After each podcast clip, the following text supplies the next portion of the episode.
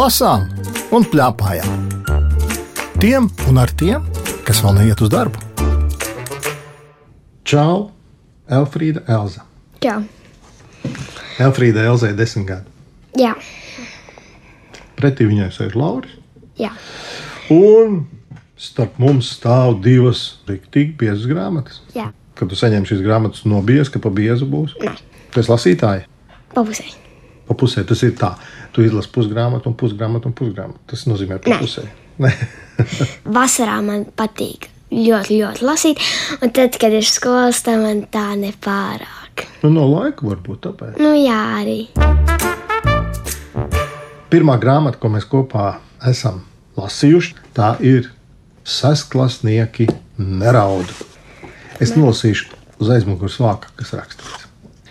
Kad rakstnieks Žaks Frīns vēl bija skolotājs, viņa klasē kāda 12-gadīga meitene saslima ar leikēmiju.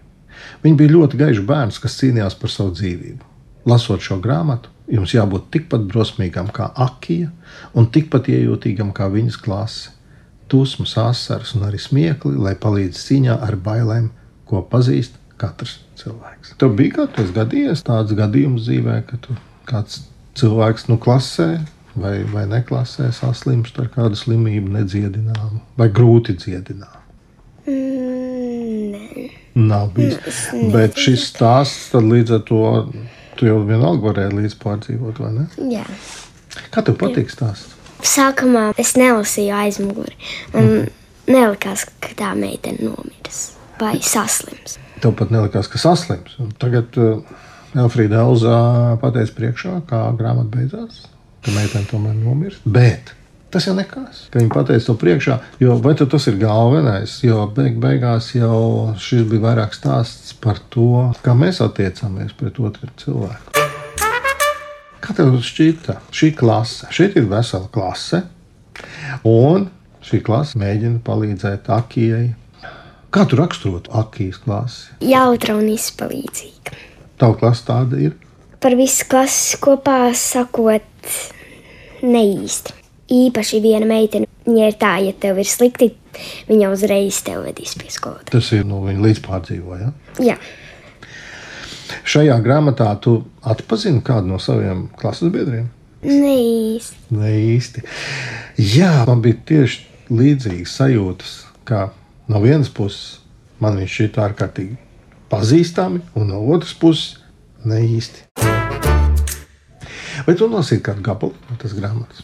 Mūsu kaķis kungs, Brahimiņš atbildēja. Mums viņš ir jāvada slimnīcu. Laurents iespurdzās un palaboja. Viņš gribēja teikt pie zvēru ārsta. Tikko autobus sāka braukt, Kārla Luks iebļāvās un mēģināja savu rasno galvu izbērst savu rescītēm. Tas bija par akijas kaķi, kā viņa auklē savus klases biedrus kaķi. Es arī nolasīšu vienu gabaliņu. Brahimiņš asaru pilnām acīm skatījās uz skolotāju un elsoja. Skolotāji, man šķiet stulbi, ka cilvēki mirst. Skolotāja Īna ievilka Brahimiņu savu klēpī. Tā ir sestā klase, es atgādinu. Citā reizē jebkurš uzskatītu, ka tas ir dīvaini, jo sestajā klasē vairs nesēž skolotājai klēpī. Bet tagad tas šķita pavisam parasti. Daži bērni arī slaucīja asaras, un kristāli sēdēja aplaudīt šņukstētam. To tu varētu iedomāties sestajā klasē? Neīsti. Ne īsti, jā. Es arī nē, bet lasot šo grāmatu, tu taču noticēji, ka tā varētu būt. vai ne? Jā, Tāpēc, ka šī klase ir kā ģimene. Ko nozīmē ģimene? Tas nozīmē, laikam, ka jābūt ir, kā šeit mamma viena, skolotāja kā mamma, vai ne? nu, tā kā jā, bet tā kā nē. Nu, jā, mamma ir mamma, beig beigās. Katram sava. Bet šai klasē šī skolotāja ir tiešām ļoti, ļoti tāda, kas visus apvieno. Un man tas šķita ļoti forši. Gribētu tādā klasē mācīties. Jā, Es tev nosīšu vēl vienu. Mm. Tur satiekās Akija un viņas klases biedrs Laurents. Tava vēstule man arī patika. Akija teica, Laurents drusku piesārka. Akija pieliecās uz viņa pusi un piepeši noskūpstīja Laurensu uz vaiga. Laurents nosārka līdz ausu galiem. Akī ieķiķinājās. Ē, tu kļuvi tomātīgs. Laurens paraudzījās apkārt, vai kāds to ir dzirdējis vai redzējis. Vēl gribi vienu buļbuļsu. Akī kā mocīdama tincināja. Nu, nu, nu, nē, vai galu galā, nē, nē. Akī piecēlās. Labi, nāc, iesim vēl mazliet paskatīsimies futbolu. Ko tu saki par šo, vai tas atbilst dzīvei? Jā, Man šķita ļoti foršs gabaliņš. Un tajā pašā laikā visi šie foršie, jaukie notikumi norisinās uz tā, ka akie tiešām ir ļoti grūti ar veselību. Un tas ir aprakstīts tieši tā, kā tas ir. Tad, kad gribās raudāt. Kā tu domā, vai asaras tas ir pavisam kaut kas slikts dzīvē? tā kā, ja tu raudi, tu vari raudāt no prieka un tu vari raudāt no bēdām. Un, kad tu raudi no prieka, tad tas ir kaut kas pavisam īpašs. ne? Jā, Bet varbūt var vēl trešais veids būt pa vidu. Bēdas un prieks kopā. Zini, kādēļ es jautāju to? Tāpēc man šķiet, ka šajā grāmatā tas ir ļoti, ļoti tā. Kad ir gan jautrais prieks, un ir arī tādas sūras bēdas. Kāpēc grāmata saucās Sasklasnieki neraud? Es varu pakomentēt. Akī nodarbēja kaulu smadzeņu punkciju. Oi, vārds vien darīja sāpes. Nu, viņai bija jātaisa šī punkcija. Nāks man līdzi, lai to izdarītu, mums jāaiziet uz citu nodaļu. Tas ir slimnīcā. Akī minstinājās, vai vajadzētu iet, taču viņa uzticējās doktoram Mūsam. Viņš vismaz neko neslēpa un godīgi pateica, kas notiek. Vai mēs drīkstam iet līdzi? vaicāja Akīs tēvs. Tu drīkst. Taču tas nav patīkams skats. Man te pa īstam jānodara sāpes akī. Bet tu drīkst kliegt un raudāt, cik vien skai gribi. Akī piecēlās un drūmi teica: Sestklasnieki neraud. Tu ieteiktu šo grāmatu saviem klases biedriem. jā. Neparasti grāmatu, tu biji lasījusi kaut ko līdzīgu. Nē, Pajautāsim tam tētim, vai viņš bija lasījis kaut ko līdzīgu un ko viņš domā par šo grāmatu. Labi? Manuprāt, ka tādas grāmatas tā kā Brian Lausa sirds vai šī, labi, ka tādas grāmatas ir. Noteikti. Es esmu priecājos, tāpēc, ka par nāvi mēs runājam pa maz. Respektīvi, mēs eh, izliekamies, ka mēs nemirstam. Tas ir tik muļķīgi. Un uh, zaudē nāvi savu tādu parasto cieņu, kā jau procesam vajadzētu būt. Un šeit lielā mīlestībā uzrakstīta grāmata, jā.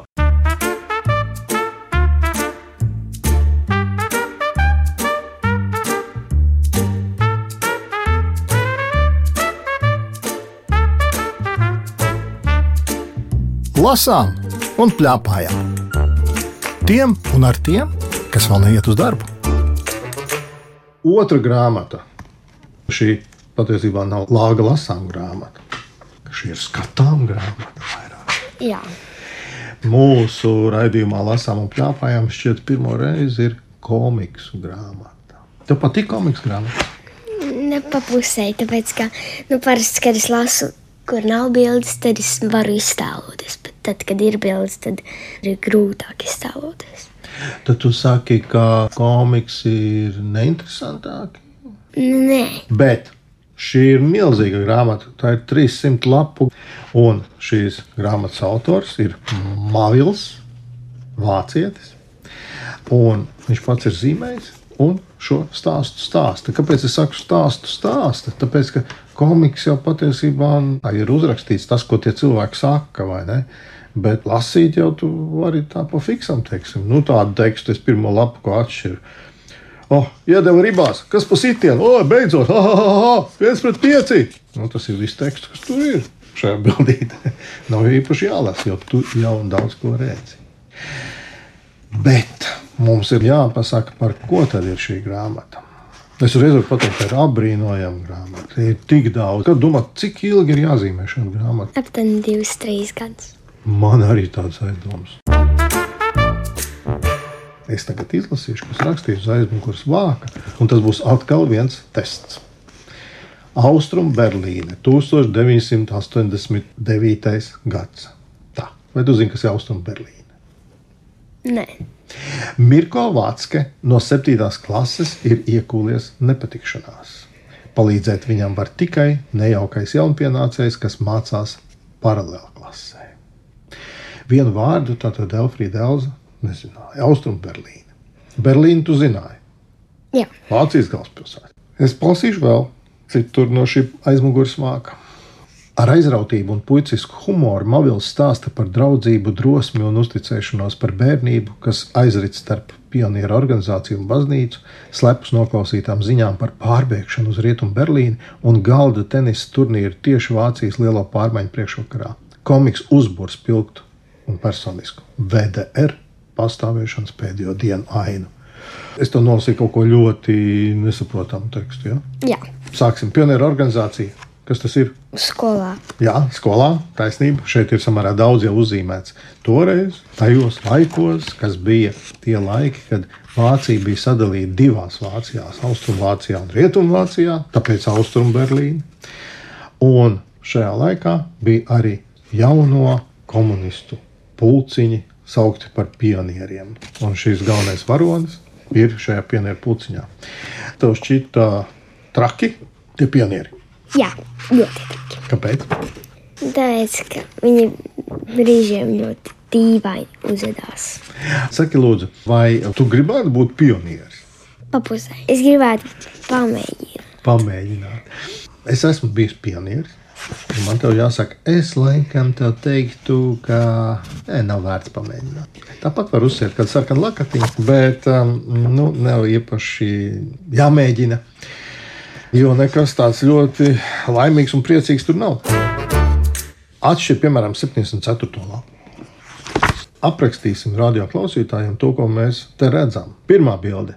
Tur ir vitrāža, kurā ir puisis ar sarkano karogu un meitene ar rudzu vārpām, un tie ir laikam strādnieks un zemniece, un tādi varoņi, un aizmugurē rūpnīca. Nākošā bilde. Tur ir tā kā Vācijas karogs un daudz citi karogi. Un ir arī teksts. Jā, pionieri esat gatavi. Un tas Vācijas karogs, ja tu nepamanā atšķirību no tagadējās Vācijas karoga, tur virsū ir tāds, Zīmols. nu, es tev teikšu, tur ir āmurs un tāds kaut kāds rīks, vai ne? Celtniecības rīks. Tas bija šīs austrumu Vācijas karogs. Es nākošo bildi aprakstu.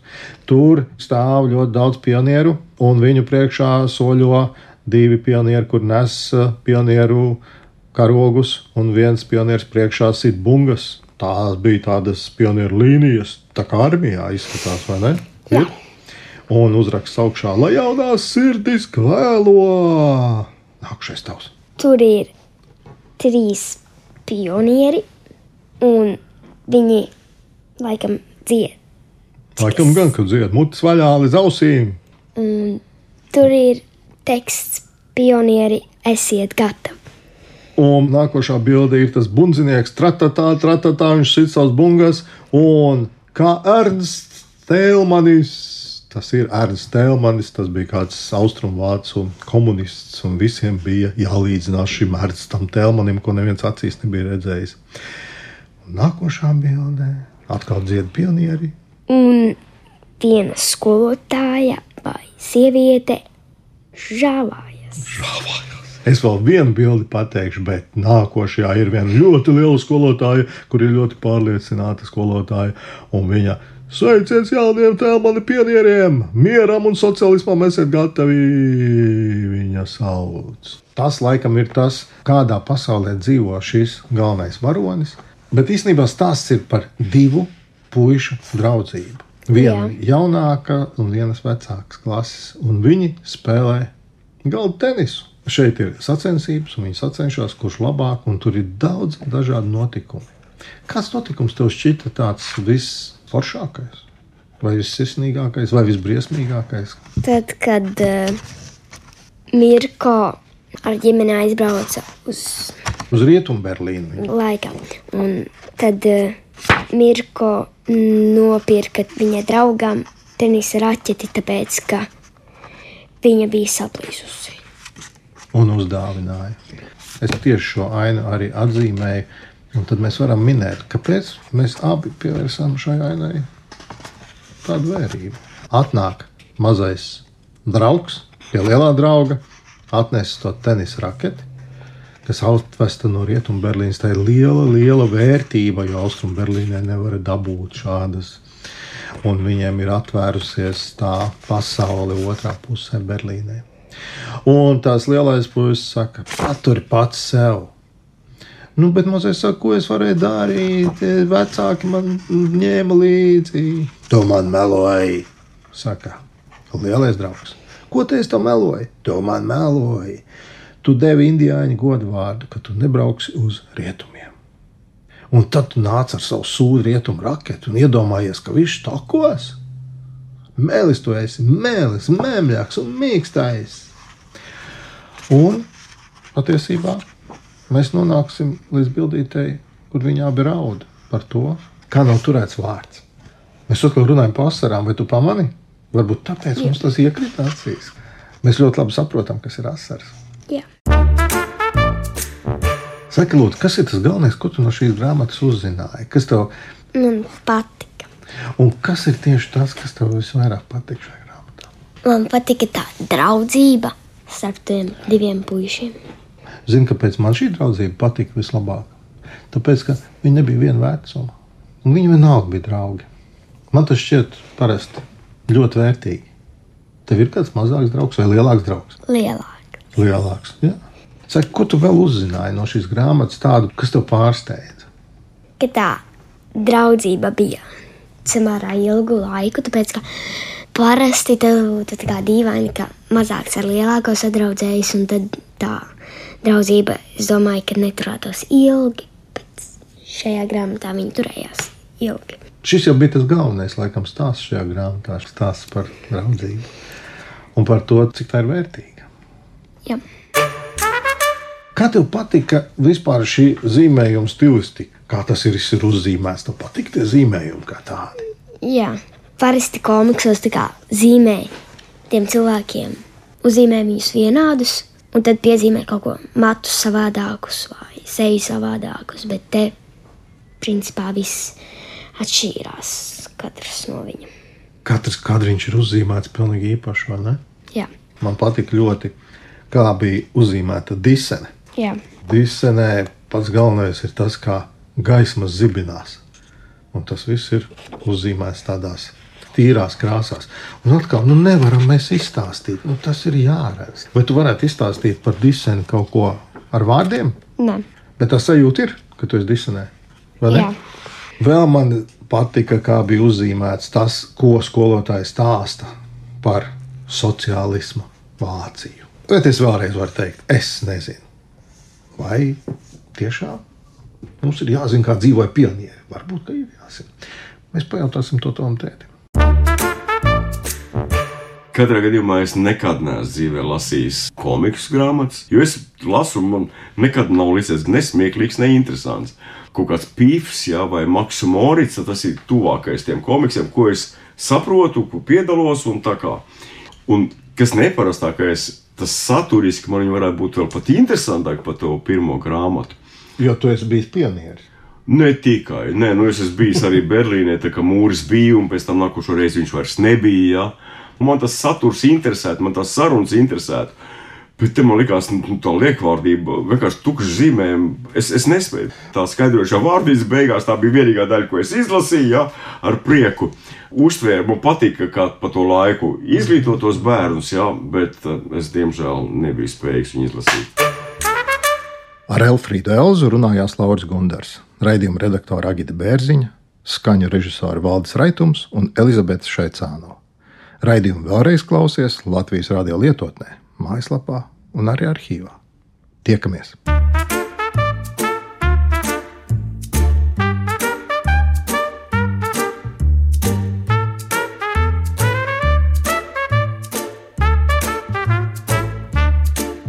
Lasām un plēpājām. Tiem un ar tiem, kas vēl neiet uz darbu.